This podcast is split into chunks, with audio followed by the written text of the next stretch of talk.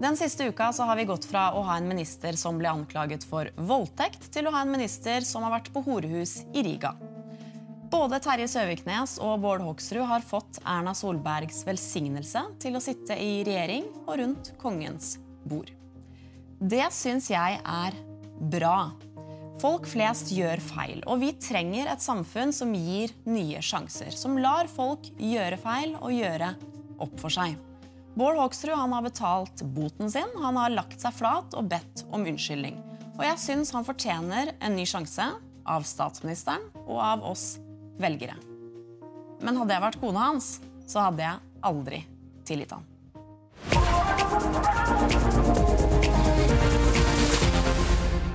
Velkommen hit, Lillit Kristine Staalesen. Tusen takk. Du er transperson og sexarbeider. Har du noen gang solgt sex til en politiker? Du, Det er jeg ikke sikker på, men det kan godt hende. For det er jo alle slags personer som kommer til meg. Vi skulle jo egentlig hatt Bård Hoksrud her, men han avlyste da han hørte at du skulle komme. Han ville ikke sitte i samme studio som en sexarbeider. Skjønner du det? Eh, det er jo veldig synd. Eh, jeg kan ikke svare for eh, han. Det får han svare for sjøl åssen grunner han har. Men hvis han syns det er ubehagelig å sitte ved siden av en sexarbeider, så ja, det får han sjøl svare for. Men jeg syns på generelt grunnlag at flere politikere rundt om i landet burde sette seg ned og snakke med sexarbeidere. Hvorfor det?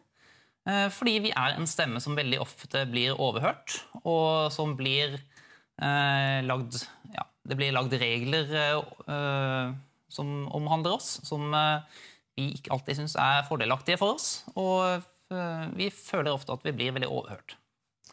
Du, vi må snakke litt uh, om jobben din. For jeg har et sånt bilde av de som kjøper sex, som er eh, bildet av en litt sånn halvkvapsete, halvekkel, svett, middelaldrende mann. er det sånn? Du, mange er middelaldrende. noen er unge.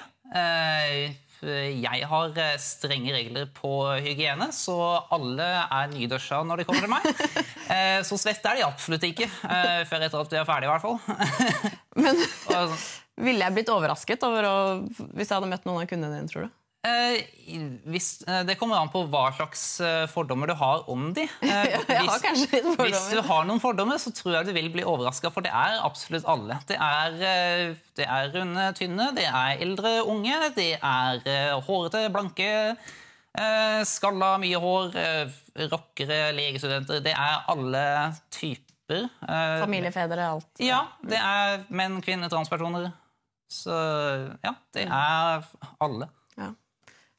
Du har vært sexarbeider en stund nå. Hvorfor ville du bli det? Du, det var et eh, økonomisk eh, initiativ fra min egen side. Det var det at jeg syntes det var vanskelig å få jobb. Og så syntes jeg at det var spennende med sexindustrien. Så jeg prøvde, og jeg fant ut at det funka. Eh, jeg fant ut at det ikke var så skummelt som eh, hele resten av landet skulle ha det til å være. Og jeg tenkte at jo, det her er jo noe jeg kan fortsette med. Liker du det? Ja, jeg liker det. Jeg liker det spesielt godt når, eh, når kundene mine veit hvordan man behandler en kvinne. Og når de er kjedelige, så liker jeg det også til en viss grad. Det er jo penger i lommeboka. du, det høres jo veldig greit ut når du forteller om det nå. Ganske ja. sånn trivelig, fin, vanlig jobb, liksom. Mm. Uh, men det er jo ikke alle som har det sånn. En del av de som jobber med det du gjør, gjør det ikke frivillig. Hva tenker du om det? De av oss som uh, driver med dette ufrivillig, enten uh, av fysisk tvang eller økonomisk tvang, de skal jo selvsagt de skal vi andre kjempe for at får ekstra hjelp til å komme seg inn i andre deler av arbeidslivet. Men jeg syns heller ikke de skal bli overhørt. Eh, jeg syns de skal eh, bli tatt seriøst og ikke snakke så mye ned om. Du, jeg, må, jeg må innrømme at det er ganske mye jeg lurer på. Mm. Dette er en litt sånn ny verden for meg, og jeg ble litt sånn overrasket da jeg så annonsen din. For du annonserer på nett. Det gjør jeg. Og der eh, er det rett og slett en meny over det du tilbyr, som ser for meg nesten ut som en sånn spa-meny med oversikt over hva du har eh, å selge. Mm. Hva, hva er det folk vil ha? Eh, hos meg som er transperson, så vil de veldig gjerne ha en eh, Så er det veldig mange som vil ha en ny opplevelse. At det er mange som tenner på fantasien om å få en penis opp i rumpa. Eh, så det er det veldig mange som vil ha. Det er eh, mange som rett og slett vil ha nærhet. Det er veldig mye av det det handler om. Altså, eh, hvis det bare var utløsninger, så kan de jo onanere hjemme sjøl. De vet jo hvordan det går. Eh, men de vil ha sexopplevelsen, rett og slett. Og hva koster det? Eh, det ligger eh, Det ligger mellom 1500 for en halvtime minstepris, og så går det opp til sånn 10 000 hvis du skal ha en hel natt med meg. En hel natt? En hel natt, ja. ja. du, du, møter jo da mange som kjøper sex, men vi skal få inn ei som møter dem bare på et litt senere tidspunkt. Eh, vi skal få inn Tale, som jobber på Norges største senter for seksuell helse, og møter mange av de som har kjøpt sex, som trenger å snakke om det etterpå. Hei, velkommen hit. Tusen takk. Hvem er det uh, som uh, kommer til dere? Det er mennesker uh, mellom 17 og 70 år. det er mennesker fra alle samfunnslag. fra ulik etnisitet og ulike årsaker til hvorfor de har kjøpt sex. Ja, Hva er hovedgrunnen til at folk kjøper sex? Det kan være bl.a. nærhet, mangel på nærhet, intimitet, et savn om det. Det kan være Noen har fysiske begrensninger som gjør det vanskelig for dem å møte en partner på annet vis. Og at da det å kjøpe sex blir mer profesjonelt og enklere å håndtere. Eh, andre beskriver jo at de ønsker en flukt fra hverdagen. At de kanskje har opplevd eh, tap, savn, eh, og, og, at det blir en slags flukt. Eh, og så har vi jo noen som, eh, som kommer igjen og gjør dette ofte. Eh, mange av dem ønsker å slutte med det, men så er det noe impulsivt som skjer, som gjør at de fortsatt oppsøker arenaer der hvor de vet at de kan kjøpe sex. Mm. Tror du at noen av de som har kjøpt sex av deg, angrer på det etterpå? Det kan godt være. Eh, men eh, ja De får i så fall ta ansvar for egne handlinger. Eh, jeg gjør mitt for at det skal skje på sikre måter. Og jeg tar litt ansvar sjøl også. Hvis jeg merker at noe blir ubehagelig for noen, så gjør jeg mitt for å roe ned, eller stoppe til og med. Jeg gjør mitt for å gi tips til hva de kan eh, gjøre. Så eh, ja, eh, jeg vil si at kommunikasjon er et veldig viktig middel. Tale, hvor, hva vet vi om hvor mange som faktisk kjøper sex? Du, Vivi, den siste studien som kom ut, som Folkehelseinstituttet hadde, den er fra 2002, så det er veldig mange år siden. Siden det så har vi egentlig ikke noe god forskning på hvor mange som gjør det. Men i 2002 var det ca. 13% av norske menn som hadde kjøpt sex. og Dvs. Si ca. hver tiende person. da. Det er en del. Eh, det er en del. Men er det bare menn? Det, altså, det, er det jo ikke, men av de, eh, det helsetilbudet Sex og Samfunn har, eh, så er det kun eh, menn som har kommet til oss, og partnere eh, til personer som har kjøpt sex. Men vi vet jo at det fins kvinner som gjør det, men de oppsøker, har ikke oppsøkt oss enda. Lilith, du har på en T-skjorte i dag. Ja. Med et budskap. Ja. Hva står det der? It's business doing pleasure with you. Ja. Hva betyr det? Uh, det er forretninger å gjøre gjøre nytelse med da. Noe sånt? Du, Hvor lenge ser du for deg at du kommer til å holde på som sexarbeider? Er det noe pensjonsalder her? Eh, du Eh, jeg kjenner eller har hørt om eh, personer opp i 70- og 80-åra som fortsatt er aktive sexarbeidere. Eh, så, sånn sett så tror jeg ikke det er en ja, sell by date på sexarbeid. Jeg anser at jeg kommer til å jobbe med det her til, til helsa tar meg. Jeg syns det her er veldig gøy å gjøre med. altså. Tusen takk for at du kom. Du er modigere enn landbruksministeren vår. Det var veldig fint å ha deg her. Og Tale, tusen takk for at eh, du kom også. Jeg har vært på biltur med sosiale medier superkjendis Vegard Harm. Når er det nok likes liksom, for deg? Jeg er veldig fornøyd på at det blir i hvert fall over 10 000 likes på en time. Ja. Da er det et godt bilde. Jeg er sånn 70. Du er 70. Men det er helt nydelig. Jeg sier Det skal vi se mer av om litt, men først svenske tilstander. Det er valg i Sverige på søndag, og det uglesette partiet Sverigedemokraterna det ligger an til å bli et av de tre største partiene med rundt 20% av stemmene. Ingen av blokkene kommer til å få flertall uten dem, men alle sier nei til å ha dem på laget. Høres dette her kjent ut for deg, Carl I. Hagen? Ja, dette høres veldig kjent ut fra slutten av 80-tallet og hele 90-tallet. Og også i begynnelsen av 2000-tallet så var det akkurat slik som de behandlet Fremskrittspartiet her i Norge. Og det var usedvanlig dumt. Derfor fikk Arbeiderpartiet flere regjeringer som de ikke behøvde ha hatt. Hva burde man gjøre i Sverige nå, da? Selvsagt burde voksne mennesker respektere demokratiske spilleregler når 20% av velgerne ønsker Sverigedemokraterna. Så ser jo i realiteten de andre partiene ned på disse velgerne. Det er helt meningsløst. Det minner meg om da Kristelig Folkepartis leder Valje Svarstad Haugland eh, kalte våre velger for elementene som stemte Fremskrittspartiet. I 2014 så lå Sverigedemokraterna på rundt 13% for fire år siden. Da sa du at hvis man fortsatte å ignorere dem, så ville de bare vokse seg større. Nå er det altså fire år senere, og de er på rundt 20. Ja, De kommer til å fortsette å vokse så lenge de andre partiene oppfører seg som små, småunger. Eh, så det, det de, Vi vokste jo og vokste jo og vokste. Da jeg gikk av som formann, hadde vi 33% på meningsmålingene og var suverent størst. Men det var jo en slags suksessformel også da for dere å bli fryst ut? Ja, det å bli Det, det, det gagner jo Sverigedemokraterna. Og Sverigedemokraterna gjør det jo veldig bra. De har en veldig dyktig partileder som jeg syns har gjort en utmerket uh, jobb nå lenge. Og fremstår jo helt annerledes enn det de gjorde for en 15-20 eh, år siden. Hvor like er Sverigedemokraterna og Fremskrittspartiet? Eh, vi har begge, som vi gjorde, advart mot den eh, løsslupne innvandringspolitikken, som har medført store, mye større utfordringer i Sverige. Vår vekst i Norge medførte at de andre partiene tok det alvorligere, og at vi hadde en del bremser. Og nå har vi fått eh, skikkelig bremsene på når det gjelder asyltilstrømming og slikt. Så det har ikke Sverige hatt. Der har de vært naive. Jeg sa av og til på, lenge siden at de er jo klin gærne borte i Sverige som ikke ser de enorme kostnadene og utfordringene som eh, innvandringen fra fjerne strøk eh, medfører. Og nå ser vi det jo helt åpenbart.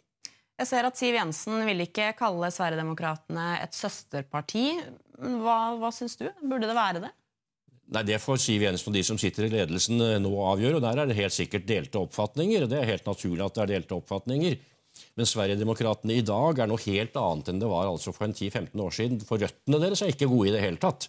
Men de har ryddet, og de har eh, ekskludert folk som er eh, la oss si, eh, klare rasister. Så de gjør hva de kan for å, for å være ordentlige. Og de fremstår jo på de TV-debattene jeg sa, som veldig, veldig ordentlige. Og det er klart hadde jeg vært svensk, så hadde jo jeg stemt på Sverigedemokraterna. De gamle partiene har jo gjort en elendig jobb. Men du hadde stemt på dem? Ja, det hadde jeg. Ja. fordi de gamle partiene har jo fullstendig glemt sine egne. De prioriterer jo liksom innvandrerne foran svenskene. Eh, så det, det hadde vært helt håpløst, syns jeg. Hvis du ville stemt på dem, Hva tenker du da om samarbeidet mellom Frp og Sverigedemokraterna? Burde det være mer samarbeid der? Nei, Det får den nåværende ledelsen avgjøre. Jeg har ikke gått nok... Ja, jeg, jeg syns i hvert fall at man bør være villig til å innrømme at, at Sverigedemokraterna har kopiert mye av Fremskrittspartiets politikk, i hvert fall slik som den var tidligere. De har også plassert seg litt i sentrum. De er av og til enige med sosialdemokratene. De har en god eldreomsorg, vil ha et bedre helsevesen, satse penger på det, fremfor kanskje enormt med bistand og hjelpe folk i andre land og ta imot kostbare, øh, kostbare asylsøkere og flyktninger så vil de ta vare på svenskene. Og det er det samme som vi gjorde i Fremskrittspartiet i min tid. For det er jo kanskje litt av eh, forskjellen at Frp er jo stiftet som et parti mot skatter og avgifter, mens Sverigedemokraterna er stiftet som et parti som er kritisk til innvandring. Ja, det er helt riktig. Vi har helt forskjellig bakgrunn. Og eh, det var mye, la oss si eh, Mye folk som egentlig ikke var noe særlig gode, som var med i Sverigedemokraterna. Noen var åpenbart nazister. Men alle de er jo nå ryddet ut, og nå er det seriøse, fornuftige folk som driver Sverigedemokraterna. Det er masse negativt i Sverige, eh, selv om de som nå i de andre partiene skriver i Aftenposten og andre steder, eh, later som alt er i orden. Og det er enhver, enhver kan se at det er det ikke. Du, Karl, vet du hvem Vegard Harm er? Vegard Harm, nei, det vet jeg ikke. Nei, det er kanskje ikke så rart. Han er eh, en av de største kjendisene i Norge for folk under 25. Han har 400 000 følgere bare på Instagram. Jeg møtte han for første gang for et par uker siden. Da spydde jeg på han. Så jeg fant ut at jeg måtte prøve å gjøre det godt igjen ved å ta han med ut på en biltur. Du, Vegard, jeg beklager at det ikke ble så hyggelig sist vi møttes. Ja, det Det var veldig hardt. Det gjorde det. Ja, var det det? Jeg bare, jeg, altså, Gud a meg for et oppstyr. Men eh, er du kvalm nå, eller? For jeg kjenner at jeg er nervøs, og jeg orker ikke å sitte i bil med deg heller. For at da, hvis du krasjer nå, så er det Linn Vik tok livet av Vegard Harm. Det er neste overskrift. Du, du har jo enormt masse følgere på Instagram og sosiale medier, forskjellige kontoer. Hva er liksom sånn Når er det nok likes, liksom, for deg? Jeg har jo liksom, Jeg har en sånn greie at jeg er veldig fornøyd på at det blir i hvert fall over 10 000 likes på en time. Ja. Da er det et godt bilde. Jeg er sånn 70. Du er 70. Ja. Men det er helt nydelig. Jeg sier, jeg sier jo til folk hele tiden at det er ikke sånn at jeg er lykkeligere bare fordi jeg får 40 000 likes på et bilde. liksom. Det er bare et tall. Da du ble kjempekjent og flyttet til Oslo, Mm. og så gikk du på en smell, rett og slett. Hvordan hva Ja. skjedde da? Nei, altså Det var jo dette livet, da, som tok meg litt, eh, tok meg litt hardt, rett og slett. Jeg var jo veldig var, altså jeg var veldig ung da jeg flytta til Oslo. vil Jeg si selv. Jeg var jo liksom 19, så jeg flytta liksom direkte Å, gud a meg! Unnskyld.